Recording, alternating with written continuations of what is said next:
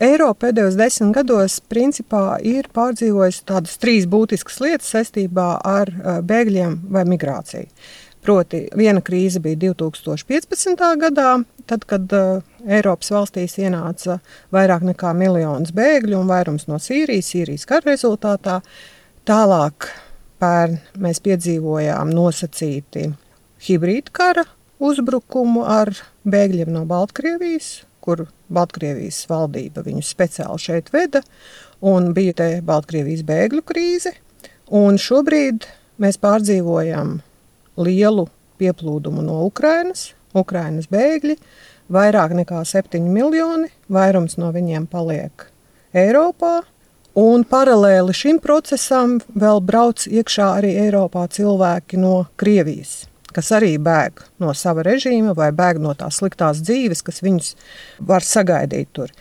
Šobrīd Eiropā, man tā liekas, nu, pēdējo gadu desmitu, vairāku gadu desmitu laikā tik daudz cilvēku nav iebraukuši. Kā jūs vērtētu, cik labi Eiropa tiek galā ar šīm trim lietām?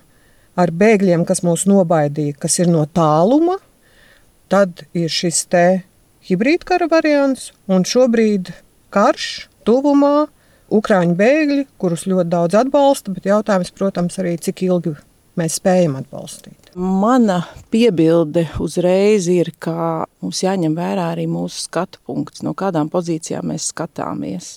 Es teiktu, ka tādā Eiropas eh, ietvarā kopējā Baltkrievijas robežas krīze kas bija mums, mēs to saucam, protams, par krīzi, tas bija bezprecedenta gadījums. Protams, arī Eiropas Savienībai tas bija savā ziņā bezprecedenta, tāpēc, ka tas, tas bija uh, hibrīda pasākums, jā, hibrīda uzbrukums, kā to tagad devējam.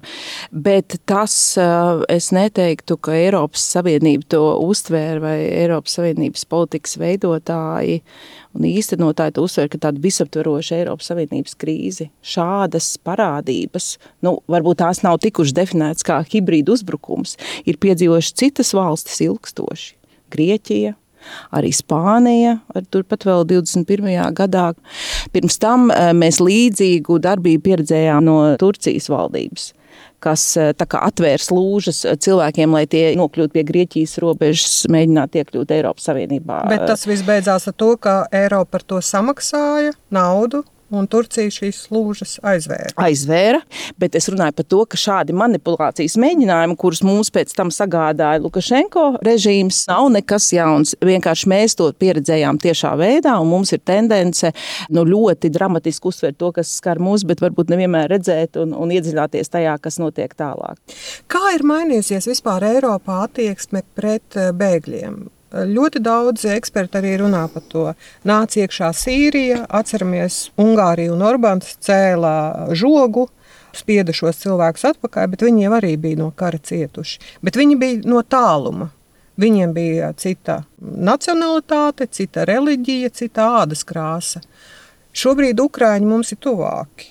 Viņi ir kristieši un viņiem ir balta ādas krāsa. Tā ir tā atšķirība, kā mēs tos bēgļus dalām. Nu, tā ļoti rupji. Nu, rupi vai ne rupi, jā, varam riskēt ar vienkāršošanu, bet uh, nu, mēs nevaram noliegt, ka ir ļoti atšķirīga pieeja, ļoti diskriminējoša pieeja. Es tagad atcaucos tikko uz tikko iznākošo Amnesty International ziņojumu par to, kā tika uzņemti, uh, pareizāk sakot, ieslodzīti, aizturēti, pretlikumīgi aizturēti vairāk tūkstoši pāri Baltkrievijas robežai ienākušu migrantu Lietuvā, un Nils Mužnieks, Amnesty International Eiropas notais vadītājs, tā arī to nosauc par institucionalizētu rasismu. Proti, ka viena veida ienācējiem netiek piedāts gandrīz nekas, vai precīzāk netiek korekti izskatīti, vai pat netiek vispār pieņemti patvērumu pieteikumi, vai pieļauts, kā viņi varētu gribēt pieteikties patvērumu un atzītas viņu tiesības, kas ir atrunāts Eiropas likumdošanā. Un konkrēti Lietuvas gadījumā notika ļoti, un notiek vēl joprojām ļoti ilgstoša cilvēku cieņu pazemojoša aizturēšana ar ļoti lieliem cilvēktiesību ierobežojumiem. Tas ir viens piemērs, un, jā, un uh, Ukraiņas kara bēgļu gadījumā mēs redzam citu attieksmi un tūlītēju gatavību uzņemt, iesaistīties, uh, palīdzēt. Un es teiktu, ka šeit tās uh, divas nu, plaknes ja tā varētu tās raksturot vai nosaukt valdošās nostājas sabiedrībā, un politiskie mēri ir ļoti cieši saistītas.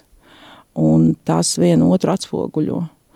Tas, kas mums ir tuvāks, pieņemamāks, un tas, kas sabiedrībā tiek uztverts kā pazīstams, pieņemams, tāds, ar kur mēs varam identificēties, ka mēs varam līdzjust. Protams, tas arī kaut kādā veidā politiski tiek ar politiskiem mēriem pēc tam labāk uzņemts caur konkrētiem lēmumiem un konkrētām praksēm pēc tam politikas.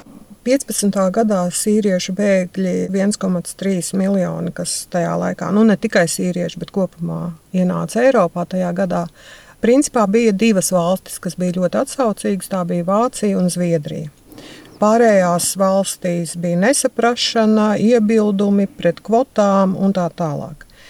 Vai mainījusies šajā laikā ir tā kopējā Eiropas migrācijas politika, kā skatās uz bēgļiem, vai tas ir tikai vienkārši politiskie iemesli, kāpēc tas viss ir mainījies, tā attieksme pret bēgļiem?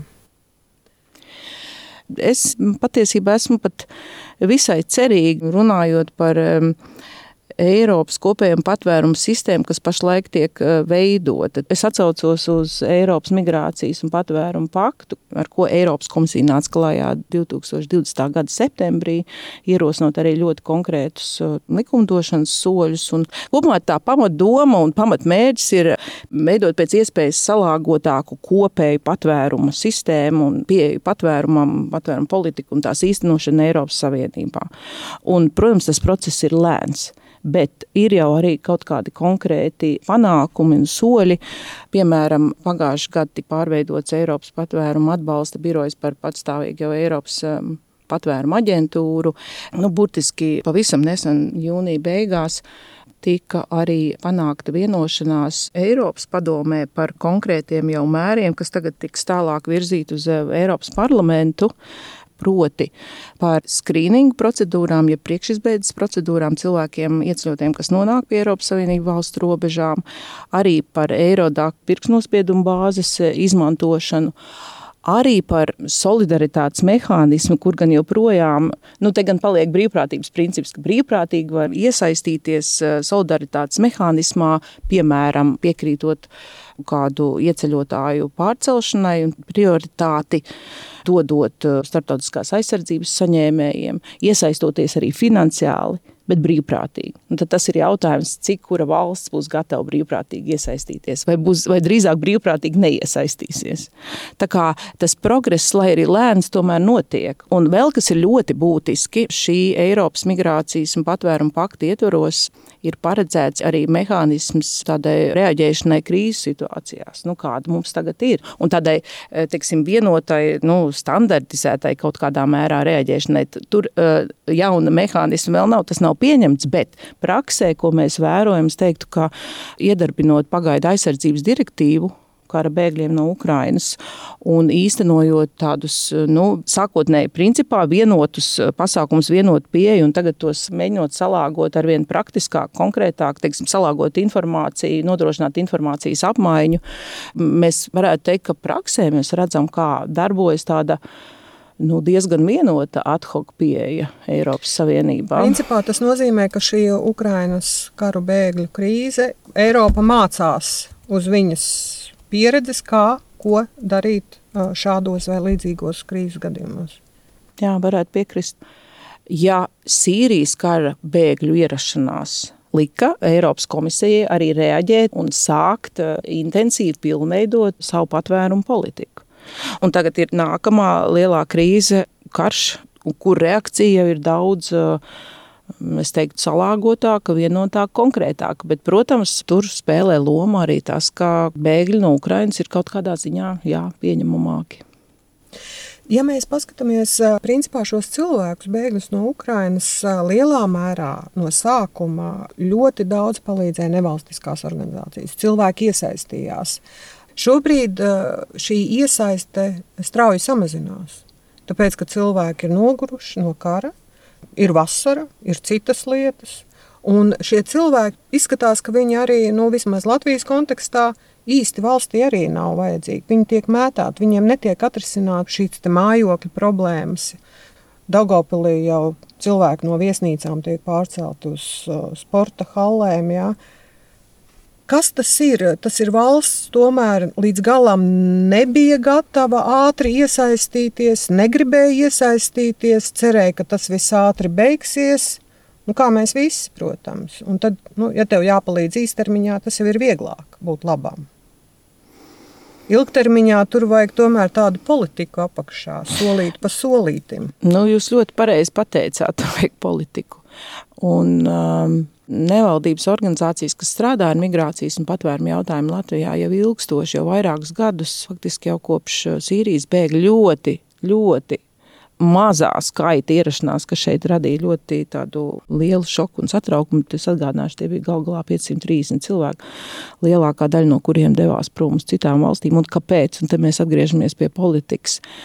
Jā, lai arī tika pieņemts plāns, tas, kas attiecas uz fāzi pēc uzņemšanas, tur nu, mūsu valstī būtu vēl ļoti daudz darāmā, respektīvi mūsu integrācijas sistēma nav bijusi līdz šim tā pilnīgākā. Un tad, kad ieradās Ukraiņas bēgļi, mums nebija labi funkcionējušas, labi koordinētas integrācijas sistēmas, un tā arī ir tā lielākā problēma. Piemēram, mājokļu jautājums. Nu, jā, iepriekš bija ļoti maz bēgļu, un tad arī tas kaut kā pats atrisinājās. Precīzāk sakot, neatrisinājās. Šie cilvēki devās prom. Viņi, piemēram, saskārās ar tām pašām problēmām, ar kurām saskars pašlaik kara bēgļi no Ukrainas. Un vislielākā, viena no lielākajām problēmām bija mājokļu atrašana, nodrošināšana. Šī problēma izaicinājums ir pastāvējis jau vairākus gadus. Par to nevaldības organizācijas ir visu laiku runājušas.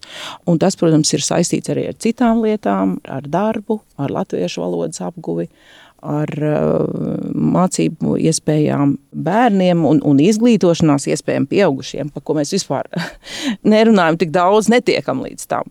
Ukraiņas kara bēgļu ierašanās un viņu problēmas, izaicinājumi, kuriem šie cilvēki sastopas pašlaik Latvijā, ir lielā mērā arī rādītājs tam, cik labi darbojas mūsu integrācijas sistēma. Un jā, īsā laikā tādus risinājumus uh, tik lielam skaitam cilvēku, nu Latvijā nepieredzēt lielam, tos risinājumus, protams, nav viegli uzreiz atrast. Jūs jau minējāt to, ka šobrīd tā sistēma, ko veido Eiropa par patvērumu meklētājiem, principā balstīsies uz brīvprātības principiem. Tas, ko mēs varam prognozēt nākotnē, patvērumu meklētāju skaits. Labi, varbūt pāris mēnešos nebūs tik strauji. Cerēsim, ka nebūs Eiropā karu. Bet uh, viņš stabili, bet augsts, ņemot vērā uh, vides izmaiņas, klimata izmaiņas, nodarbinātību, pārapdzīvotību un vēl virkni faktoru, kas veicina šīs migrācijas plūsmas. Vai tomēr nākotnē Eiropai nenāksies nonākt pie tā, ka tiek veidota vienota, ne uz brīvprātības principiem balstīta, bet vienota, pamatīga patvērumu meklētāju migrācijas sistēma, vai kā mēs to sauksim, nezinu. Vienkārši tāda, kas nu, vai nu tad pasaka, jā, Eiropa pieņem cilvēkus, integrē viņus, un tās ir mūsu jaunās darba rokas, vai arī Eiropa vienkārši šos cilvēkus nepieņem, neintegrē, un mums viņus nevajag. Nu, ziniet, tas jau notiek. Kopējā Eiropas patēriņa sistēma, kas pašlaik top, top varbūt pārāk lēni, bet ir tieši uz to virzīta. Ja nu ļoti grūti, protams, ir panākt uzreiz solidaritātes mehānismu pieņemšanu un nākt klajā ar konkrētām kvotām, kam piekritīs visas Eiropas Savienības dalībvalsts. Tā parasti nenotiek, mēs to jau redzējām, ja Sīrijas kara laikā. Bet, um, tas pašlaik notiek, tas, es teiktu, ir vienīgais risinājums. Bet tas process, likuma pieņemšanas un ieviešanas procesa Eiropas Savienībā nav pietiekami ātrs. Jā, ja? Šis Ukrainas karš, viņš nepātrina šos procesus tomēr. Iespējams, tāpēc, ka pēc Eiropas migrācijas un patvērumu pakta izsludināšanas, tur bija konkrēti soļi, kam bija jānotiek jau 20. gadā, 21. gadā, nekas no tā īsti nenotika. Un, un vēl Baltkrievijas sācinātās situācijas laikā Eiropas Savienība iekšlietu komisāra Ilva Johansona un arī citi izteicās, ka nu, mums tiešām tas ir viens no piemēriem atkal, kad mums, mēs redzam, kā mums vajag to vienoto pieeju un, un jau dzīvē īstenot. Tas tev tik galā daudz vieglāk ar šādiem izaicinājumiem. Un tagad, sākoties karam Ukrainā, Jā, ir vērojama sakustēšanās. Kaut arī tas, ko es minēju, tikko jūnijā panāktās vienošanās par jau konkrētiem soļiem tieši šīs jaunās, kopējās, topošās Eiropas eh, patvērumu sistēmas ietvaros. Tas jau ir pierādījums tam, ka ir aktīvāka kustība. Nu, varētu cerēt, ka tas tikai turpināsies. Bet, jā, bet nevar izslēgt to, ka konkrētas valstis, kā piemēram Ungārija, joprojām varētu izvēlēties neiekļauties šajā kopējā reformu procesā kas ir ļoti, ļoti būtisks. Un, un kā jau jūs minējāt, darba spēks arī ir Eiropai ļoti nepieciešams. Migrācijas plūsmas neapstāsies. Es gribētu atsaukties arī uz to plašāku kontekstu, nedaudz mēģināt paskatīties no malas. Pašlaik ir apmēram 5% no 447 miljoniem Eiropas Savienības iedzīvotāju. Apmēram 5% ir ārvalstnieki, trešo valstu pilsoņi. Nu, tas nav liels skaits. Zem 1%, 0,6% ir bēgļi. Par ko mēs runājam? Tas nav tas draudz, ko mēs redzam, tad, kad mēs to konkretizējam, paskatāmies skaidļos, paskatāmies, kas notiek, tas draudz nav tik milzīgs. Tur es saprotu, ka tas e, dažiem skan pat ļoti ķecerīgi un nepieņemam, bet e, tas varbūt pat nav tāds draudz kā iespēja, ja mēs tam pieejam ļoti, nu jā, pragmatiski, racionāli. Vēl viena grupa, par ko Eiropā un arī Latvijā īpaši runāt negrib. Tie ir krievi, kas bēg no Krievijas, jo viņi tur kaut kādu apstākļu dēļ nevar, negrib dzīvot. Protams, priecājamies, ka pie mums ir vesela rinda žurnālistu atbraukuši, un tie nosacīti ir tie labie, gaišie tēli. Bet uh, no Krievijas bēg šobrīd ne jau tikai žurnālisti, bēg arī vienkārši cilvēki, uh, Un viņiem atrast Eiropā šobrīd darbu ir praktiski neiespējami. Tur nāk klāt gan tā attieksme, ka viņi ir no valsts, kas ir agresors, un tur nāk vesela virkne šo emociju, ka viņi ir tie, kas nemainīja savu valdību un tā tālāk. Viņi ir tie, kas principā atbrauc uz valsti, aizbēg. Viņiem šeit vispār nav nekādas palīdzības šobrīd. Ko darīt ar šo grupu? Šis tiešām ļoti sarežģīts jautājums. Bet es... viņa arī būs mums problemātiska nākotnē. Ja šie cilvēki pat paliek bez darba vai uz ielas, viņi jau nepazudīs nekur. Viņi ir reāli. Pilnīgi piekrītu. Un tas uh, pamatprincips jau būtu, ka jebkuram cilvēkam ir, ir tiesības, būtu jābūt tiesībām uz patvērumu. Ne tikai ļoti redzamiem aktieriem, aktrisēm, kultūras darbiniekiem, žurnālistiem. Un šī grupa, es piekrītu, ir tiešām nu, visneapskaužamākajā situācijā. Un, ja nāk šādi patvērumu pieprasījumi, tie būtu rūpīgi jāizskata un pēc iespējas jāapmierina. Um, tāpēc, ka arī šie cilvēki potenciāli varētu iekļauties Latvijas sabiedrībā, bet es uzreiz, protams, redzu un apzinos iebildumus, bailes par piektās kolonas veidošanos, par neusticamu personu ierašanos, par drošības riskiem un tā tālāk. Es domāju, ka ka šo cilvēku situāciju varētu atrisināt ar lielāku laika atstarpi, kad tās pirmā brīža emocijas un reakcijas būtu nedaudz norimušas. Jo tiešām pašlaik kritiski, neitrāli izvērtēt viņu situāciju nav vienmēr iespējams. Bet Eiropa Bet, kopumā ir gatava šim izaicinājumam.